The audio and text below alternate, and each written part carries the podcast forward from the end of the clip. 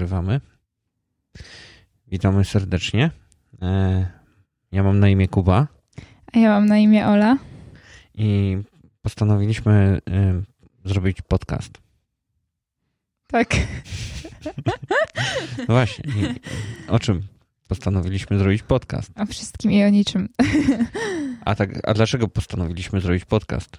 E, no. Boże, chwila, muszę się z tym oswoić. No właśnie, no to jest ten proces.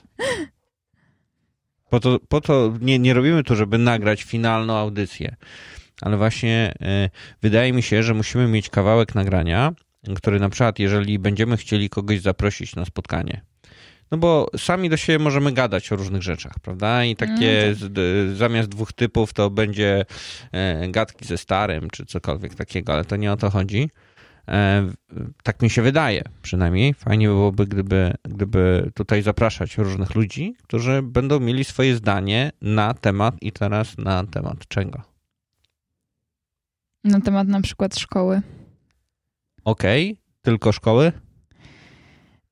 No, na temat. E... Ojej, rozmawiamy o tylu rzeczach, że tak mi konkretnie trudno. No ale dobra, to rzecz. nagramy sobie teraz ten podcast. To mogą być nasze wirtualne notatki w tej chwili, które, które robimy na temat podcastu, który ma być.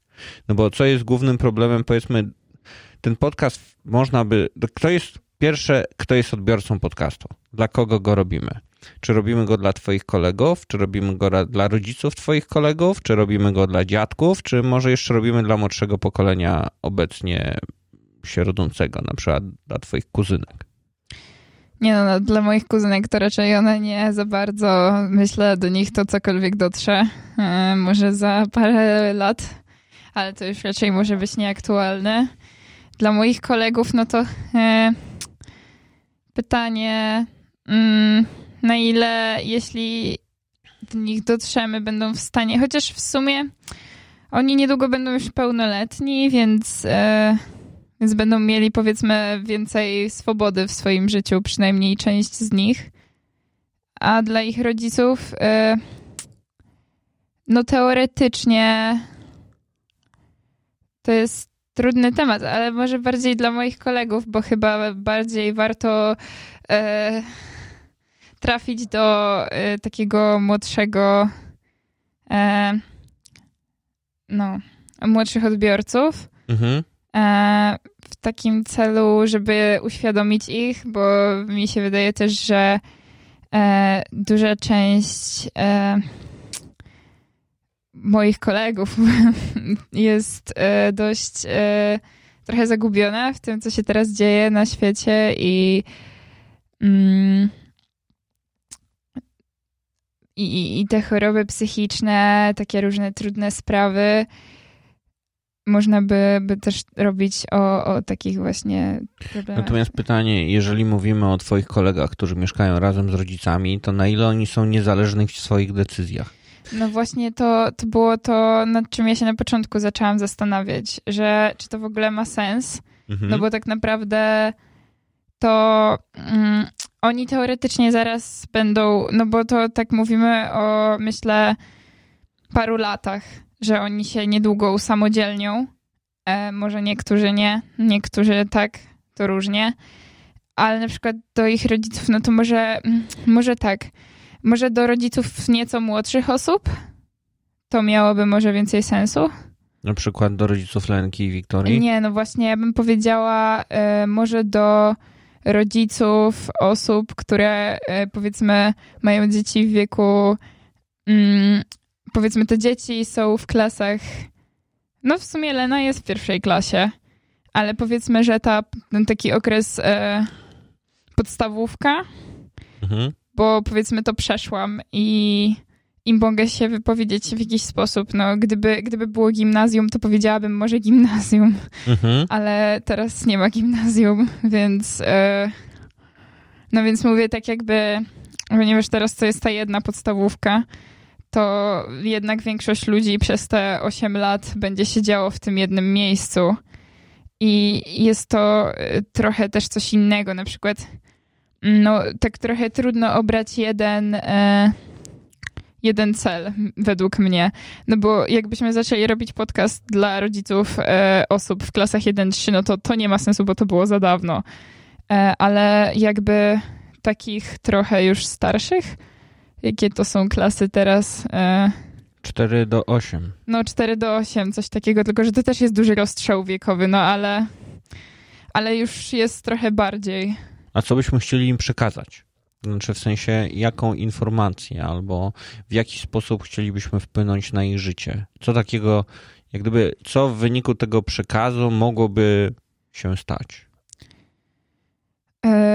Myślę, że głównie fajnie by było zaprosić jakiś właśnie, jak mówiłeś, e, tą panią psycholog od ma- mindfulness na jeden Mhm. odcinek, e, bo myślę, że temat e, chorób psychicznych i, i w ogóle taki temat relacji jest to temat, który się nie skończy raczej szybko, a ma swoje no, powiedziałabym, że rozwija się coraz bardziej w obecnym czasie i chyba będzie się dalej rozwijał. A więc myślę, że, że rozmowy z psychologami na, na tematy relacji e, między, no tak naprawdę uczniami, no bo też e, relacje w szkole nie są łatwe, bo widzimy się na co dzień, e, mamy już siebie dość i jak powiedzmy przetrwać te dużo, dużo lat w systemie edukacji, e, nie Mhm. tylko na poziomie nauki, ale też na poziomie e, relacji z ludźmi, bo jak ja ostatnio zaczęłam szukać osób, z którymi mogłabym się pokręcić po Warszawie, Mhm. które mogłabym e, gdzieś ze sobą wyciągnąć, to uświadomiłam sobie, że tak naprawdę przeszłam ile lat? Chyba 11 lat edukacji. W tym momencie jestem w 11 roku edukacji Mhm. I no, poznałam bardzo, bardzo, bardzo dużo osób. E, ale jeśli chodzi o ilość osób, z którymi ten kontakt w jakiś sposób mi się utrzymał, jest to jedna osoba z podstawówki. Z gimnazjum, no to nikt, ale powiedzmy jedna osoba, do której napisałam, bo stwierdziłam, że może warto by było odnowić ten kontakt. A e, no z liceum, no to e, wiadomo, to już jest inna sprawa, bo to jest dość aktualny temat, więc e, Okej, to- a czy to jest, czy myślisz, że wszyscy tak mają, czy jesteś akurat takim egzemplarzem, który tak ma? Wiesz co, myślę, że no wiadomo, są w szkołach osoby, które się świetnie odnajdują w swoim gronie i one sobie robią te grupki i to są naprawdę grupki na lata i e, pisałam ostatnio z koleżanką o tym, że e, ona da, nadal jest w tej grupce z gimnazjum, więc to jest w ogóle super sprawa i bardzo wartościowe jest e, to. No i fajnie, że jej się udało. Ale jest też dużo osób, które nie mają takich umiejętności, wydaje mi się, nie są na tyle otwarte albo są powiedzmy no, chociażby nieśmiałe. E, albo mają swoje problemy psychiczne, z którymi nie są w stanie sobie samym poradzić. Do tego dochodzi im jeszcze szkoła. No i powiedzmy, że nikt e, w klasie e, czy tam w ogóle w tym środowisku ich nie akceptuje. No jest to Mhm. trochę przybijające. No A- i jak sobie trochę poradzić w tym wszystkim samemu, no nie? Że uświadomić, że nie trzeba wcale tak naprawdę mieć takiego przyjaciela, z którym się no, będziesz dogadywać. Warto, żeby po prostu nawiązywać relacje z ludźmi, bo to w ogóle jest taka rzecz, że ja zauważyłam, że naj, y, zwłaszcza w tych takich y, najmłodszych latach edukacji, znaczy tych pierwszych, nie mówię o liceum, jest tak, że tworzą się faktycznie te zamknięte grupki, które często nie wpuszczają ani nie wypuszczają y, Są swoich hermetyczne. członków. Tak. Czyli na przykład jeśli jesteś w tej grupie i nagle zaczniesz się zadawać z kimś spoza tej grupy, to jesteś automatycznie na wylocie. I jest to mm, trochę y, słaba sytuacja, bo zarówno te osoby, które powiedzmy gnębią, y, nie są w żaden sposób otwarte na osoby, które chcą nawiązywać relacje i y, lubią zadawać się z różnymi osobami, lubią poznawać osoby, Mhm. zarówno osoby, które są nieśmiałe, w ogóle nie podejdą do takich osób. I dużo jest tak naprawdę stracone w tym momencie. Mhm, mhm, mhm. E, rozumiem, jak e, rozmawialiśmy jakiś czas temu na ten temat, jeszcze w, w powiedzmy w czasach gimnazjum czy podstawówki, to zwracałeś uwagę właśnie na pewną toksyczność tych relacji tworzonych Dokładnie. w tych grupkach, które, jak mówisz, do tej pory część z nich się utrzymuje i e, to pozwala e, tym osobom na, na prowadzenie jakiegoś, nazwijmy to, życia społecznego. I rozumiem, oni jak chcą pójść na imprezę, gdzieś pojechać, coś zrobić, to robią to razem. Ty w tym momencie, jak nie byłaś w żadnej tej grupce, bo chciałaś poznawać tych ludzi wszędzie, czyli nie hermetyzowałaś się w takich grupach, przez to te grupy cię w pewien sposób zaczęły izolować. Dokładnie. No to praktycznie nie, nie masz z kim powłóczyć się po Warszawie. Tak, yy, powiedziałabym nawet, że działa to też w taki sposób, że osoby, które są w tych grupach, nie zauważają tego, że one same izolują się. To znaczy, że.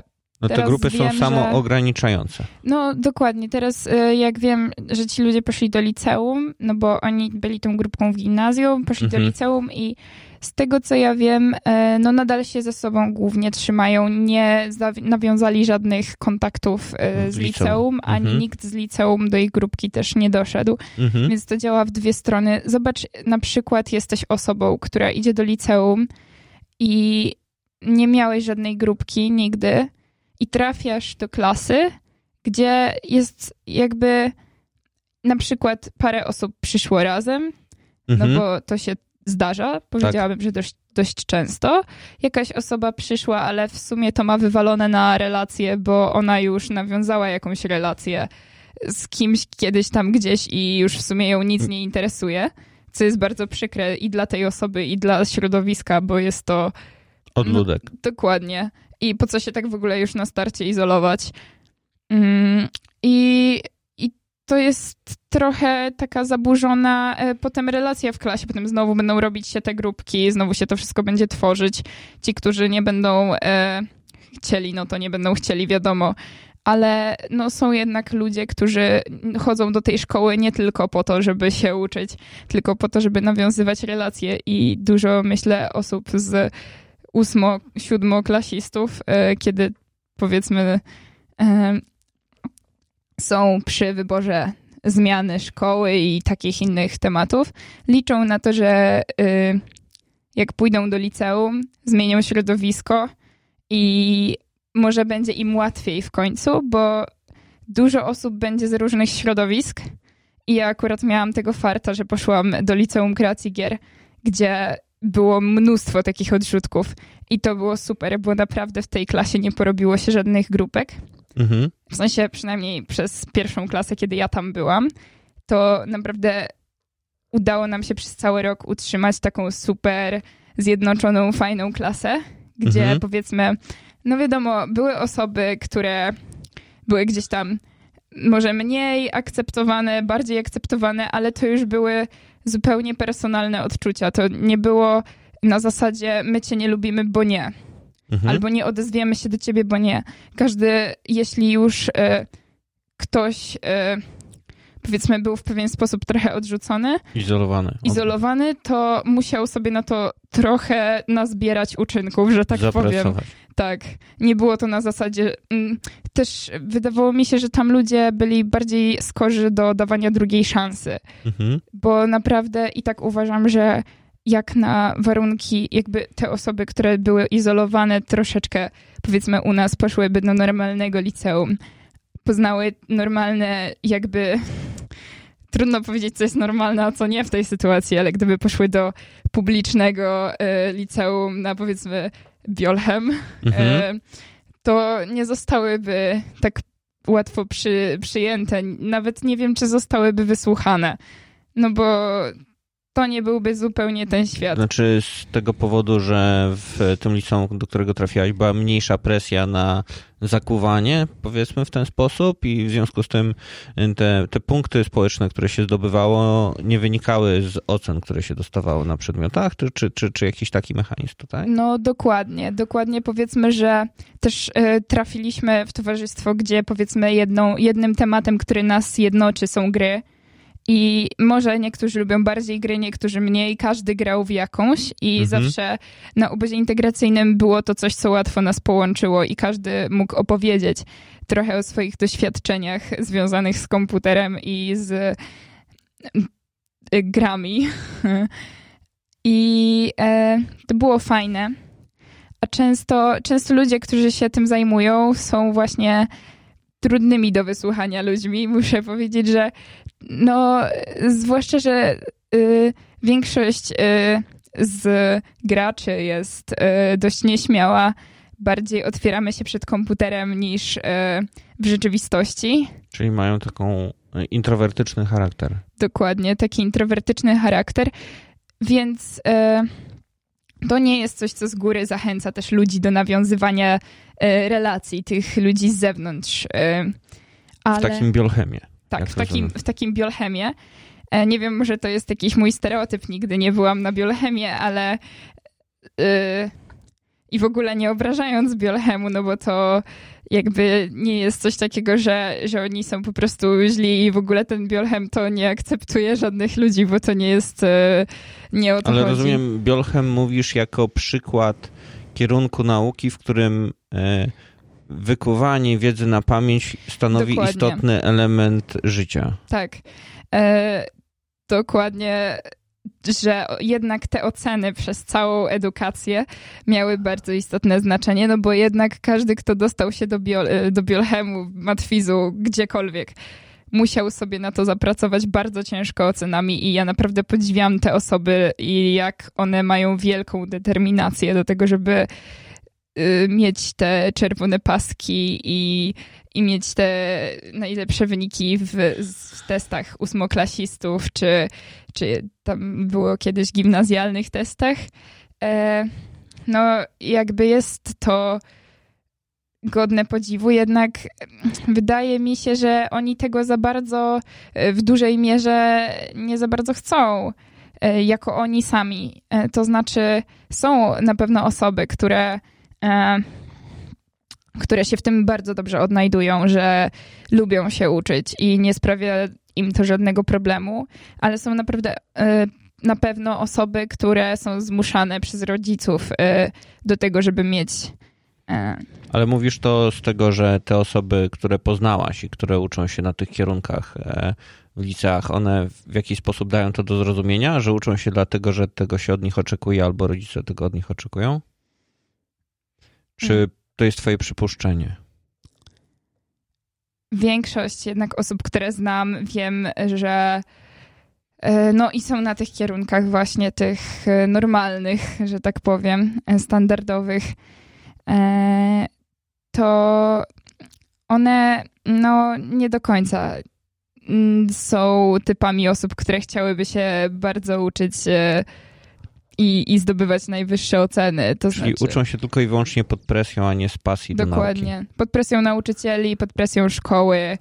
Też często jest presja kolegów trochę, bym tak powiedziała. Ja w gimnazjum e, przez to, że właśnie miałam trochę niższe oceny, trochę, trochę bardzo nawet czasem e, no byłam jednak, miałam przypiętą tą łatkę tego nieuka i osoby, która no w sumie to, co ty możesz wiedzieć, albo o nie, ta osoba zawsze ściąga ode mnie.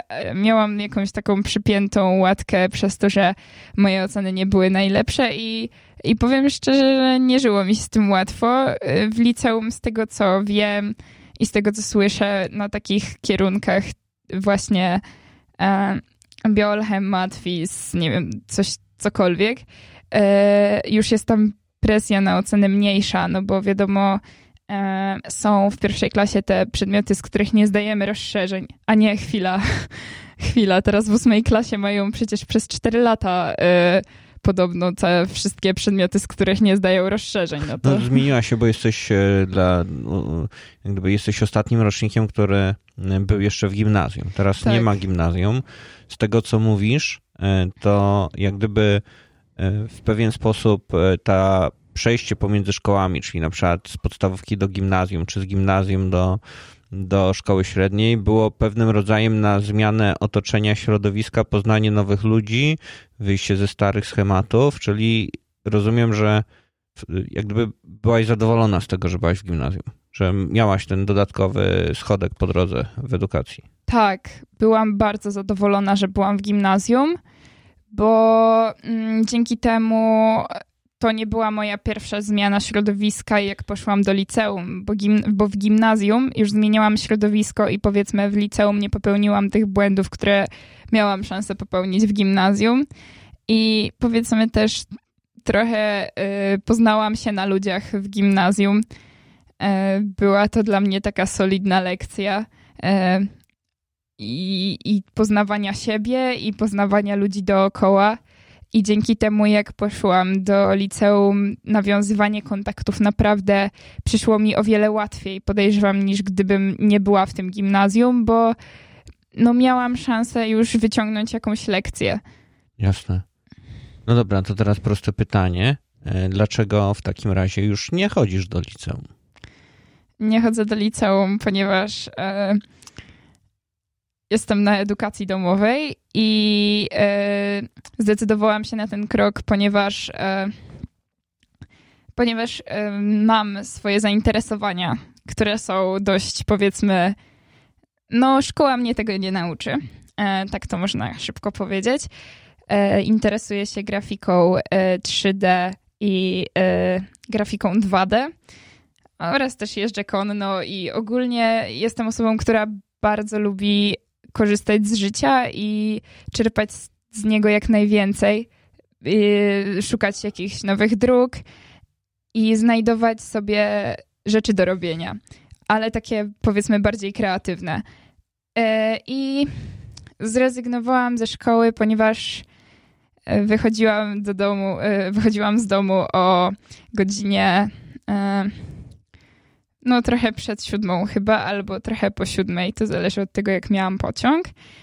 I wracałam do domu często o 18 albo, albo nawet później, to, to zależy od dnia też.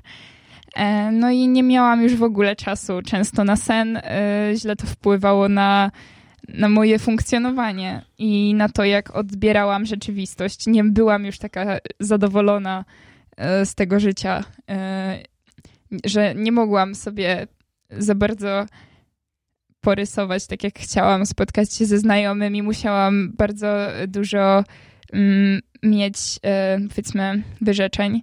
Nie mogłam się spotkać ze znajomymi, bo chciałam się rozwijać, chciałam rysować, chciałam pojechać do stajni, e, co też było bardzo trudne, bo tak naprawdę na to też nie było czasu bo lekcję kończyłam tak późno, że nie było już potem żadnych jazd o tej godzinie, jakbym dojechała do stajni. Więc e, kiedy przyszła ta kwarantanna, ja tak naprawdę mam wrażenie, że jak byłam w tym trybie i żyłam tak bardzo, powiedzmy, powiedzmy szybko, e, nie czułam w ogóle tego, że jest dzień, noc, potem jest kolejny dzień, bo ja przychodziłam na lekcje i ja spałam na tych lekcjach. W ogóle nie byłam jakkolwiek obecna, to kiedy przyszła ta kwarantanna i zaczęłam się wysypiać, zaczęłam ćwiczyć w domu i zobaczyłam, jak dużo czasu tracę tak naprawdę na szkołę. Że co ja mogłabym robić? Mogłabym ćwiczyć, mogłabym robić to, mogłabym robić tamto i jeszcze mam tyle dużego czasu poza tym wszystkim, co już zrobiłam. Czyli tak naprawdę, no tam wiadomo, były też te lekcje online, więc to wchodziła ta powiedzmy nauka w jakimś tam stopniu, e, poćwiczyłam, porysowałam, e, zrobiłam to, co chciałam i miałam dla siebie jeszcze kupę wolnego czasu, w którym mogłabym się ponudzić, że tak powiem. Więc tak naprawdę wtedy zaczęłam myśleć o tym, że potrzebuję jeszcze trochę tego czasu, w którym mogłabym się ponudzić. No i mogłabym się spokojnie rozwijać, poszukać ścieżek, zastanowić się nad tym trochę bardziej spokojnie. No i jakoś tak. Hmm, to był maj, kiedy ja chyba zaczęłam myśleć o, o, o nauczaniu domowym, bo wtedy akurat, y, ponieważ ja mam dwie koleżanki na nauczaniu domowym, e, jedna z nich powiedziała mi, że jak się złoży papiery do tej szkoły, ponieważ na nauczaniu domowym są takie szkoły, pod które można podlegać, żeby pisać e, w nich testy. To jak się złoży do takiej szkoły papiery do któregoś tam maja, to można e, zostać przyjętym bez oświadczenia. No, Zaświadczenia z porady psychologicznej, która, które daje możliwość uczenia się samemu w domu. Dokładnie tak. Bo poradnie były zamknięte z powodu pandemii. Dokładnie. E, no i jak ja to usłyszałam, to stwierdziłam, że może to jest właśnie ta chwila, e, ponieważ ja myślałam bardzo, bardzo intensywnie o nauczaniu domowym przez jakoś tak wszystkie lata mojej nauki. Bardzo mnie to interesowało, jak to w ogóle wygląda. E, czy ja w ogóle dałabym radę, bo to też jest kwestia mobilizacji. Mm, no i tak wiadomo, to nie była łatwa decyzja, no bo za tym idzie ogromna odpowiedzialność. Trzeba jednak się do tych testów przyuczyć. Trzeba samemu wszystko sobie zorganizować, trzeba wstać o konkretnej godzinie, żeby nie przespać całego dnia, żeby całego dnia nie zmarnować. I, i jak przyszłam na to nauczanie domowe, teraz na nim jestem, to mam wrażenie, że dopiero teraz zaczęłam żyć. To znaczy, jestem tu i teraz, bo jestem wyspana i nie mam jakichś takich, powiedzmy, zaburzeń widzenia rzeczywistości. To znaczy, że ja nie wiem, kiedy ja śpię, a kiedy ja naprawdę jestem tutaj, bo momentami byłam naprawdę tak zmęczona, że nic do mnie nie docierało, mimo że e, no, bardzo się starałam. No, ale jednak było to ciężkie. Więc e, to jest główny powód. Myślę, że sen jest bardzo ważny w życiu.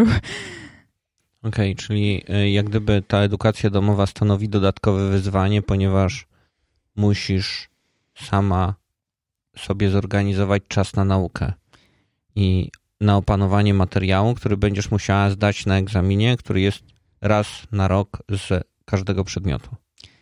Dokładnie tak. Ja mam przedmiotów bodajże 5 albo 6. Jest to matematyka w trybie podstawowym, polski w trybie podstawowym, geografia w trybie rozszerzonym, ponieważ musiałam wybrać jeden z przedmiotów e, z przyrodów, e, przy, przedmiotów przyrodniczych, który byłby rozszerzony, ponieważ w tej szkole akurat jest tak, nie wiem jak w innych, że jeśli nie wybiera się rozszerzonej historii, no to trzeba coś rozszerzonego przyrodniczego wybrać.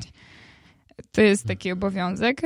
A za to potem z e, historii, czy tam tego HIS-u, bo to jest historia i społeczeństwo, robi się prezentację po prostu. I przechodzi się tylko na y, rozmowę z nauczycielem, bo normalnie egzamin wygląda tak, że pisze się test i jest potem y, egzamin ustny z nauczycielem. No i w ramach tego, że ja właśnie rozszerzam tą geografię, y, to z HIS-u mogę przyjść tylko na rozmowę i zaprezentować swoją prezentację, czy tam Rozumiem. pracę, którą zrobiłam. Okay. A jeszcze poza tym masz języki? E, jest język angielski i język e, hiszpański. E, no i, i chyba, chyba powiedziałam o wszystkich przedmiotach. Z no. tego co. Matematyka. No, jeszcze. No, o matematyce mówiłam, okay. że jest w trybie podstawowym. Fizyki nie masz. Nie, fizyki nie mam. Chemii nie masz, biologii nie masz. Tak, y, nie mam tych wszystkich, no bo ja jestem po gimnazjum, y, więc... Y, po pierwszym roku już ci liceum te przedmioty odpadły. Dokładnie. I póki co uczysz się i przygotowujesz się do tego egzaminu sama na podstawie podręczników i wytycznych, które udostępniała szkoła. Tak, ja sobie zrobiłam taki plan, że do października, to znaczy się na początku października chciałabym zdać angielski i hiszpański, którego się obecnie uczę. E, no i do tych przedmiotów też dokładam sobie matematykę, bo nie chcę, żeby mój mózg się, e, że tak powiem, zastał, bo potem trudno jest wrócić do formy i to zajmuje trochę czasu. Się w pewnym momencie zapomina, jak się dosłownie dodaje albo odejmuje, jak się tej matematyki nie robi przez długi czas. Więc e, więc wstaję sobie rano o godzinie mm, dziewiątej e, i no powiedzmy to, to wychodzi czasem 9.30 coś, coś z kawałkiem. E, wiadomo, jem śniadanie, e, robię takie zwykłe, codzienne rzeczy i siadam sobie do nauki o godzinie 10, mm, 11, tak jak mi wyjdzie i staram się uczyć przez jakieś 3 godziny, żeby na każdy przedmiot y, mi wyszła mniej więcej godzina, bo uważam, że to jest taki dość wystarczający czas y, codziennie, żeby to wszystko opanować, zwłaszcza, że angielski, y, bo ja mam angielski rozszerzony, to, to jest dla mnie y, no, prosty język, którego uczę się od dziecka, tak jak większość y, mojego pokolenia. E, I języka hiszpańskiego uczyłam się już w gimnazjum i w pierwszej klasie liceum, więc też powiedzmy mam go opanowanego na poziomie podstawowym. A matematykę dodaję sobie w formie treningu po prostu, bo za matematykę wezmę się dopiero od stycznia. A między październikiem do końca roku kalendarzowe, kalendarzowego będę robiła prezentację na HIS i uczyła się geografii, żeby potem w grudniu czy, czy tam w styczniu zdać e, te egzaminy z tych przedmiotów. No i dzięki temu od stycznia do tak naprawdę czerwca e, zostanie mi e, matematyka i polski. Zobaczę, jak się z tym wszystkim wyrobię. Moje koleżanki, które są na nauczaniu domowym, mówią, że da się to zrobić naprawdę szybciej niż w szkole. Okej, okay. nie korzystasz z pomocy żadnych e, korepetytorów, nauczycieli, nikogo takiego. Robisz to póki co sama. E, na razie robię to sama. E, z, ze względu na to, że, że jest to angielski i hiszpański. A jak będę się uczyła matematyki, to myślę, że e, zgłoszę się do mojej korepetytorki. Tak, po to, że ten przedmiot jednak jest czasem e, mało zrozumia, e, zrozumiały. E, może coś na YouTubie można znaleźć, ale też to nie jest taka pomoc, powiedzmy, która by ci wskazała, gdzie powiedzmy popełniasz błędy, a czasem jest to jednak potrzebne. Także myślę, że to są jedyne korepetycje, z jakich będę korzystać na razie. A jak myślisz, czy jeżeli ktoś by chciał zostać e, chirurgiem albo e, powiedzmy wysokiej klasy specjalistą, informatykiem, czy e, też może na edukacji domowej osiągnąć dobre rezultaty i, i czy, czy raczej, raczej powinien pójść na ten Biolchem albo Matwis, Inf i, i zakuwać w tym liceum? Znaczy, moja pierwsza myśl była... taka, że no lepiej zostać w szkole, ale teraz tak myślę, że na nauczaniu domowym ja przynajmniej mam o wiele większą chęć do nauki niż yy, miałam, jak byłam w szkole. Także nie wykluczam, że jeśli osoba, która naprawdę ma wysokie ambicje i chce zostać chirurgiem bądź bardzo dobrze wykształconym informatykiem, nie wykluczam, że jakby poszła na edukację domową, miałaby jeszcze więcej czasu na zgłębianie tematu, znajdywanie innych źródeł niż tylko podręcznik i doszkalanie się na przykład na YouTubie. Są różne kursy w internecie, jeśli chodzi o informatykę. Jeśli chodzi o, o tą chirurgię, to niestety nie wiem, ale na pewno coś by się znalazło. Przecież YouTube jest. Yy, no po prostu szeroki i głęboki jak może. Jest tam naprawdę bardzo dużo materiałów. E, poza tym mm, różne książki. Może, może ktoś właśnie odnalazłby się w odnajdywaniu sobie drogi samemu, a te testy na edukacji domowej, no one nie są trudne, wiadomo, te końcowe nie mogą być za bardzo trudne, bo jest to program, którym idą osoby, które podróżują po świecie, mają różne zaburzenia psychiczne, są powiedzmy niepełnosprawne albo mają jakąś to, w jakiś sposób tą naukę w szkole utrudnioną. Więc y, są to testy dostosowane w miarę do, do wszystkich. Więc y, bez problemu zdałaby ta osoba te testy. No to jest też jedna rzecz, że w szkole jednak powiedzmy ten poziom miałaby na pewno wyższy, ale, ale czy ja wiem, czy, czy to jest takie potrzebne? Przecież y, swój poziom można podnieść nie, nie tylko przez presję i przez to, że ktoś będzie nad tobą siedział i ci wskazywał palcem, że masz tutaj to zrobić już na jutro, bo jeśli tego nie zrobisz, to dostaniesz jedynkę i będziesz zerem. To, to można się, wydaje mi się, rozwijać bez tego. Dlaczego nie? Czy, czy ktoś powiedział, że nie? A czy nie ma takiej obawy, że na przykład w przypadku takiego przeciętnego ucznia, który.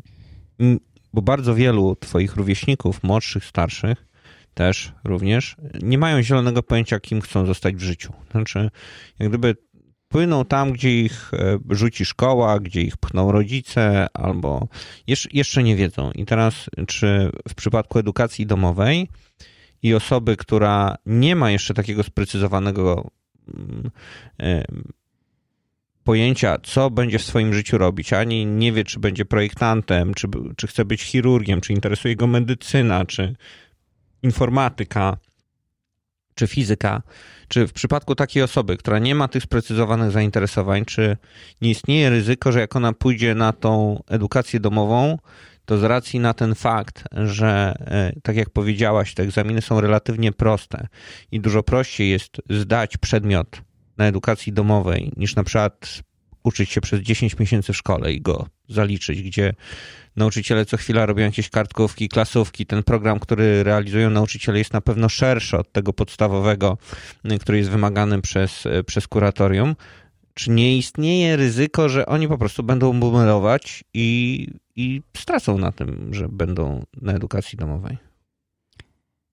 To jest całkiem możliwe, że tak się może stać. Wiadomo, jeśli ktoś nie chce, no to nie chce.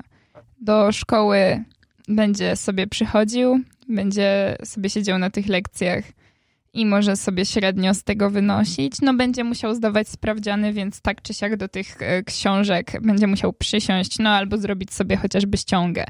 Więc jest to jakieś tam, no będzie musiał się postarać. Na edukacji domowej, no faktycznie mm, taka osoba może mieć ciężko z taką motywacją. Ja tak naprawdę nie wiem, jakby taka osoba sobie poradziła. Może, e, może tak naprawdę ta osoba nie lubi, powiedzmy, presji, jaką narzuca szkoła. Albo nie czuje się w tym i gdyby z tego wyszła, może nagle e, zaczęłaby się zastanawiać, co tak naprawdę ma ze sobą zrobić, no bo nie miałaby już na sobie tej presji, no chyba, że rodzice by stwarzali tą presję, no to w ten sposób wtedy to już by tak, powiedzmy, no nie działało. Mhm. Mm, ale powiedzmy, kiedy ta osoba nie ma presji, jest w stanie się zastanowić, co może ze sobą zrobić, no bo tak naprawdę, jak mamy bardzo dużo tego czasu, no to i tak nie da się tego całego czasu przespać. Jakbyśmy się nie starali, chyba że no, w grę wchodzi jakaś choroba psychiczna czy, czy inne y, problemy, ale jeśli jest się zdrowym człowiekiem, zdrowo myślącym i ogólnie dość dobrze radzącym sobie z życiem, ale y, nie wie się, co się chce osiągnąć, co, do czego się dąży, tak naprawdę bardzo trudno się y, no, trudno jest w sobie to odkryć na etapie liceum, e, dawnego gimnazjum. Te lata to, to nie jest e, moment, w którym będziemy w 100% pewni, co w całym życiu będziemy robić. Więc e, no, pytanie, co ta osoba zrobi ze sobą po szkole, jeśli ją skończy. No bo potem jest kwestia wyborów studiów wiemy, że tak naprawdę w tych czasach, jeśli nie ma się pomysłu na siebie, no to po prostu nie ma się pomysłu na siebie. I to jest pytanie takie bardziej, czy taka osoba e, no, w tej szkole jednak e, nie jest trochę tracona. Może ona by na edukacji domowej zupełnie inaczej się zachowywała, no bo jednak wtedy tą odpowiedzialność, żeby chociażby zdać z klasy do klasy, no trzeba to poczuć. Pytanie, czy by się zdecydowała na taką opcję, bo tutaj mogłaby być trudniejsza kwestia, no bo wiadomo, wtedy w szkole jest wygodniej. No bo ktoś nad tobą stoi, cały czas pokazuje ci, co masz zrobić z tygodnia na tydzień, powiedzmy jakieś sprawdziane klasówki. No i ta osoba musi się zdyscyplinować, znaczy bardziej no to nauczyciel jest taka. Wy wygoda niewolnika, powiedzmy. Dokładnie. A jeśli, jeśli by ten ktoś poczuł trochę e, wolności, no trudno by powiedzieć, co by się stało ale y, myślę, że byłby to bardzo ciekawy, powiedzmy, eksperyment. Nie wiem, nie jestem w stanie tak jednoznacznie odpowiedzieć na to pytanie. Jasne. No i tu jeszcze kwestia, że mówimy o takiej nauce już w wieku trochę starszym, kiedy ty bądź osoba, o której mówimy, jest w stanie do tej nauki przygotowywać się sama do tych egzaminów. Natomiast w przypadku, jeżeli taką edukację domową ktoś zaczyna w wieku szkoły podstawowej i to od klasy pierwszej bądź od klasy czwartej, no to wtedy rodzice muszą w dość mocnym stopniu uczestniczyć w tym nauczaniu, bo e, e, raczej dziesięciolatek będzie miał dość duży kłopot, żeby samemu zupełnie bez pomocy osób dorosłych przygotować się do egzaminu z jakiegoś przedmiotu. Może to się zdarzyć, ale, ale może się nie udać. Tak więc e, tego doświadczenia tu, tu nie masz i, i, nie mamy, jak gdyby. E, może warto zapraszać ludzi, którzy prowadzą edukację domową.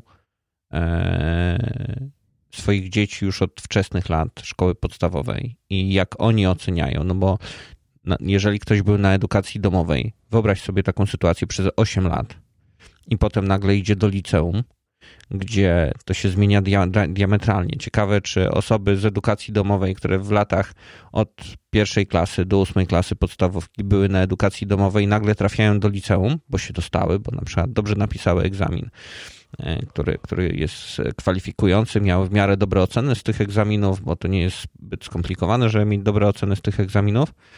No i nagle w liceum mają co tydzień kartkówkę, co dwa tygodnie, trzy tygodnie jakiś test e, główny. Z każdego przedmiotu tych, tych, e, tych egzaminów jest bardzo dużo. Czy, czy przypadkiem się nie okaże, że one będą miały, że to będzie dla nich tak wielki szok, żeby dostosować się do tego, że że nie będą się już umiały nigdy odnaleźć w innym systemie nauki niż na przykład nauka domowa. To też jest ciekawe, bo tego nie wiemy. No, to, to jest ciekawe, jak na przykład powiedzmy takie osoby, no bo potem są jeszcze studia, wiadomo, no jednak e, warto według mnie ten tryb nauki, mm, który jest w szkole, poznać. E, przynajmniej z mojego doświadczenia. E, wiem, że. Mm, w jakiś sposób mnie to czegoś nauczyło e, w dużej e, mierze kombinowania, e, jak w takim systemie sobie poradzić. Jest to też bardzo dobra umiejętność. No, jest, jest to interesujące, jak taka osoba by sobie poradziła w takim liceum, kiedy przez całą podstawówkę była na edukacji domowej mogłoby to być trudne. Y, ja czuję po sobie, że nawet teraz, kiedy powiedzmy na tej edukacji domowej jestem naprawdę niecały miesiąc, powiedzmy, że tam wcześniej była jeszcze ta kwarantanna, no to można to jakoś tam ze sobą połączyć, że to już w tym domu e, siedzę trochę długo, dawno mnie w szkole powiedzmy nie było, e, no bo szkoła zakończyła się tak naprawdę w marcu tamtego roku mhm. szkolnego.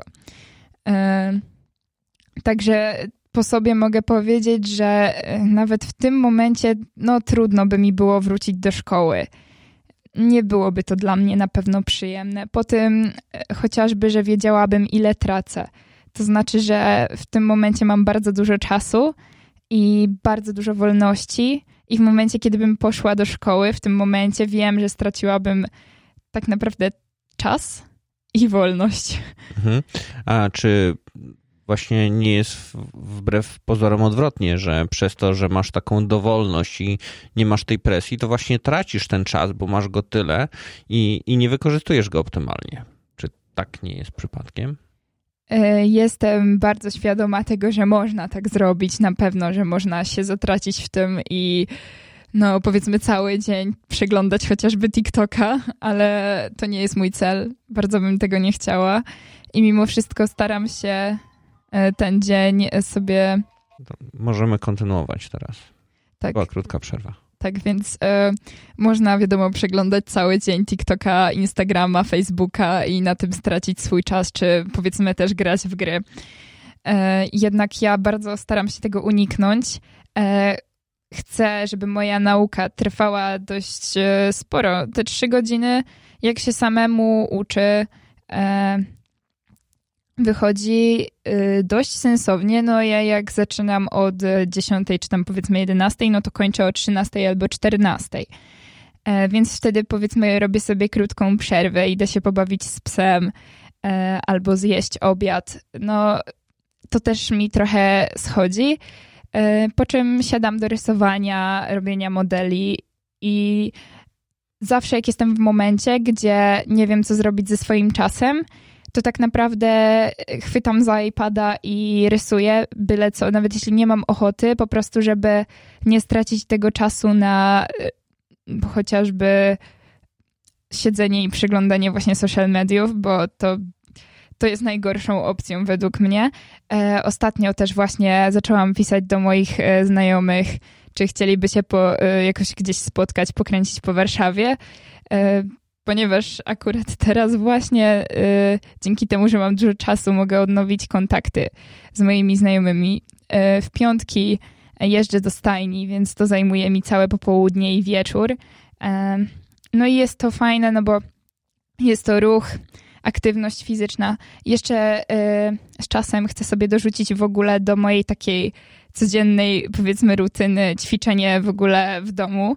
E, bo na razie jeszcze e, tego nie zaczęłam robić, e, ale to dlatego, że jakoś tam jest dopiero wrzesień i miałam jeszcze trochę wyjazdów i tak w tym domu, no to byłam, nie byłam, trochę trudno mi było sobie stworzyć taką rutynę, bo nawet nie jestem w stanie powiedzieć, czy jeden tydzień cały byłam od poniedziałku do piątku w domu po prostu. Jasne. I też chcę dodać, że właśnie y, szukam sobie różnych w, w ramach tej aktywności fizycznej, która jest bardzo ważna. E, szukam sobie różnych zajęć. Ostatnio zainteresowałam się zajęciami z pole dance'u, także mam zamiar się również zapisać. E, i, I jakoś to jest. Staram się naprawdę nie, nie tracić tego czasu. Okej. Okay. E, tak, e, skoro poświęcasz na ten blok uczenia się, powiedzmy około 3 godzin, 2 do 3 godzin dziennie na naukę, po to, żeby przygotować się do egzaminów, to czy to jest tak, że danego dnia uczysz się tylko powiedzmy jednego przedmiotu typu angielskiego, albo typu, tylko hiszpańskiego, albo uczysz się tylko matematyki, czy mieszasz sobie te przedmioty w jakiś sposób? I jeżeli tak, to na jakiej zasadzie?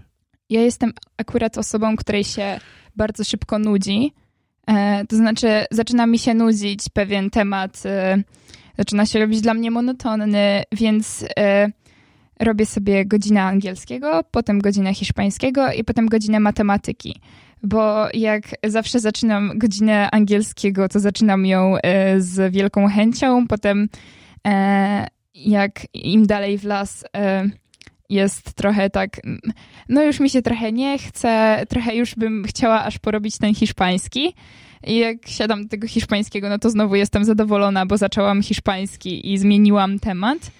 E, no i tak samo e, jak potem siadam do tej matematyki, e, dałam sobie matematykę na ostatni przedmiot, ponieważ nie za bardzo ją lubiłam w latach wcześniejszych. No i staram się to zmienić w sobie, to znaczy staram się jakoś przekonać siebie do tego przedmiotu, żeby mimo wszystko nie mieć z nim takiej złej relacji.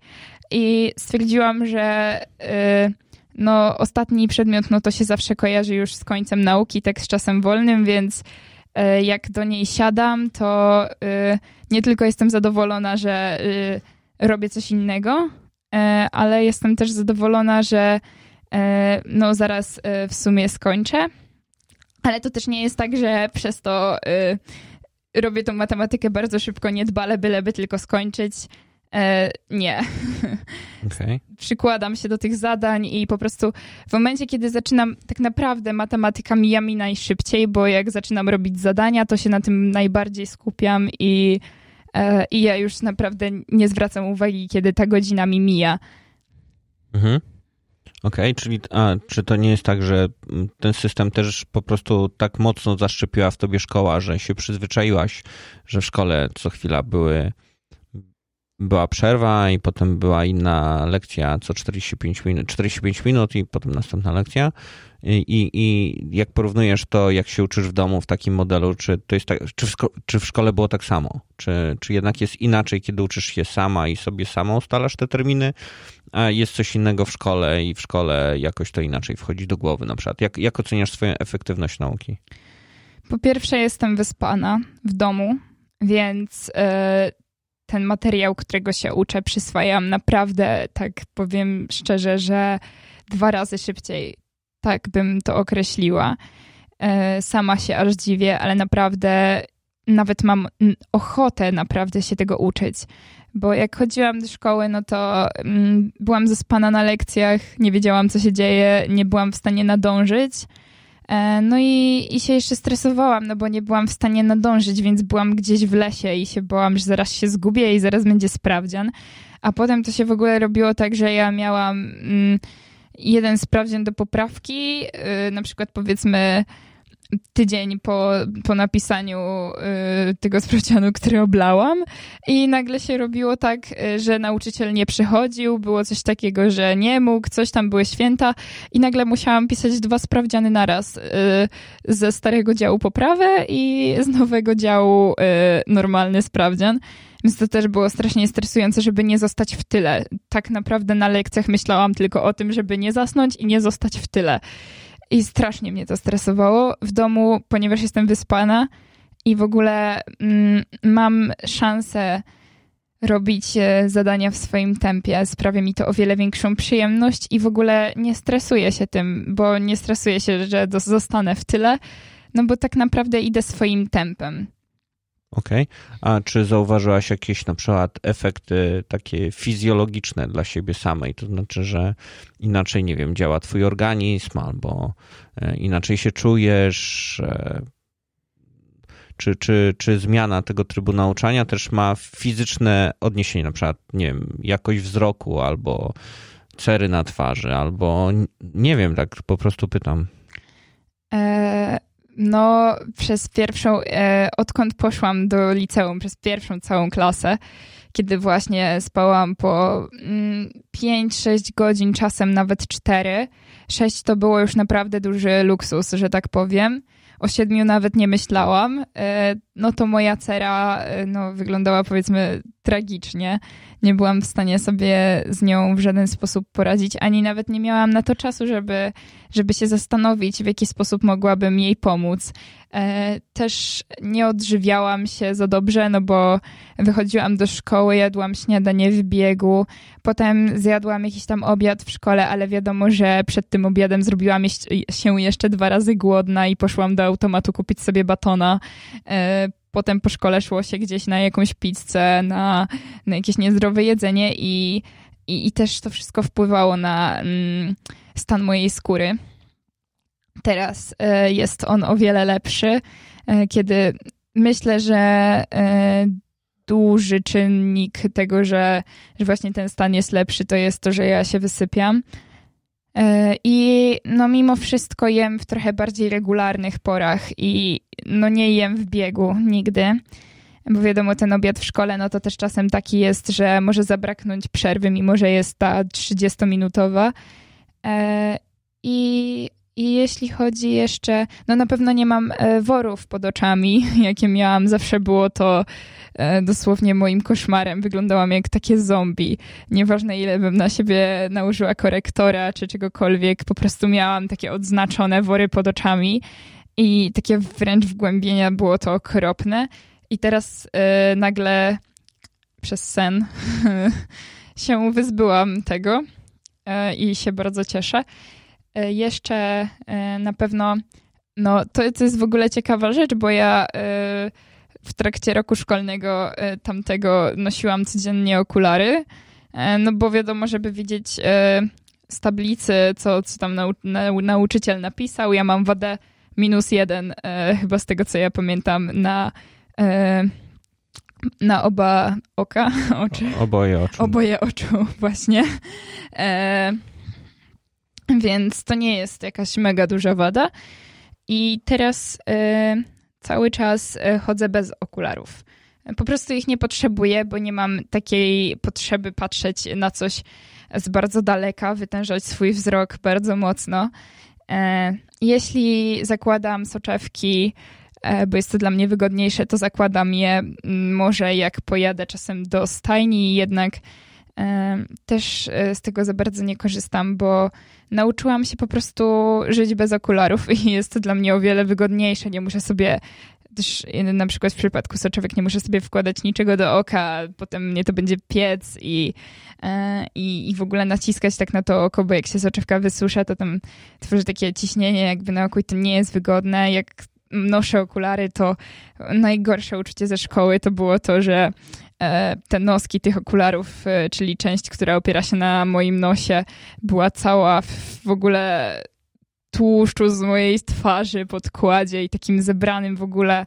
E, jeszcze najlepiej sprzed tygodnia, bo nie miałam e, czasu tych okularów w ogóle wyczyścić ani odkazić, więc myślę, że to na pewno też moja cera była bardzo ucieszona, jak e, nakładałam po prostu na nią taką bombę bakterii w momencie, kiedy też e, te okulary, no, no nie były przemywane, w ogóle nic z nimi nie robiłam, więc też nie było w żaden sposób higieniczne, ja się z tym źle czułam i no i nie było to wygodne, e, zwłaszcza w gorące dni.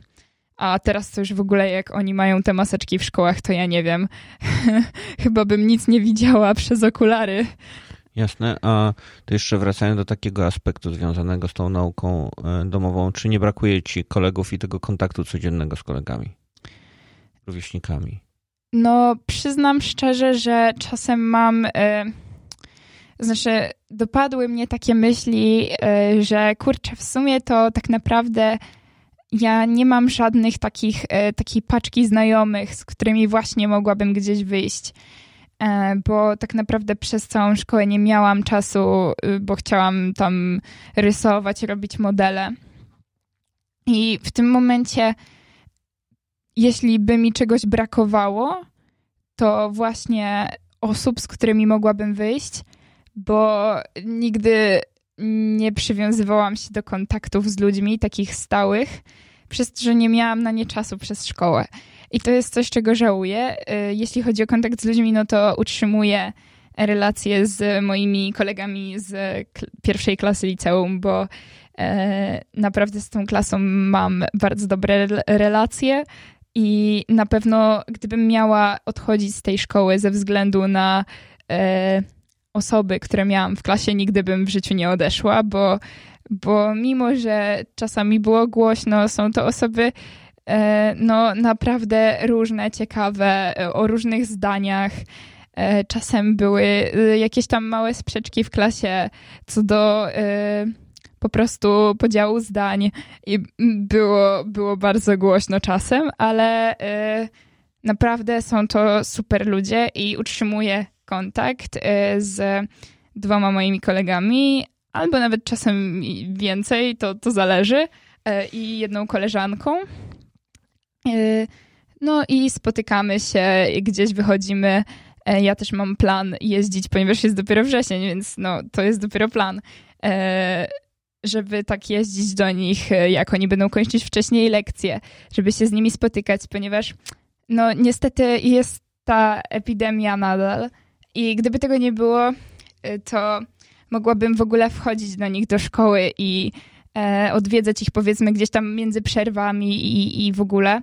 Odwiedzać też nauczycieli, bo z nauczycielami też miałam super kontakt i muszę powiedzieć, że jeśli chodzi o szkołę, która e, z tych wszystkich moich szkół, w których byłam podczas całej edukacji, to mm, Liceum Kreacji Gier Wideo to była szkoła, gdzie nie było żadnego muru między nauczycielem a uczniem było naprawdę super, jeśli o to chodzi, więc chętnie bym tam po prostu przyszła i ich odwiedziła, jednak no nie mogę, no bo jestem osobą z zewnątrz, więc to jest trochę takie słabe.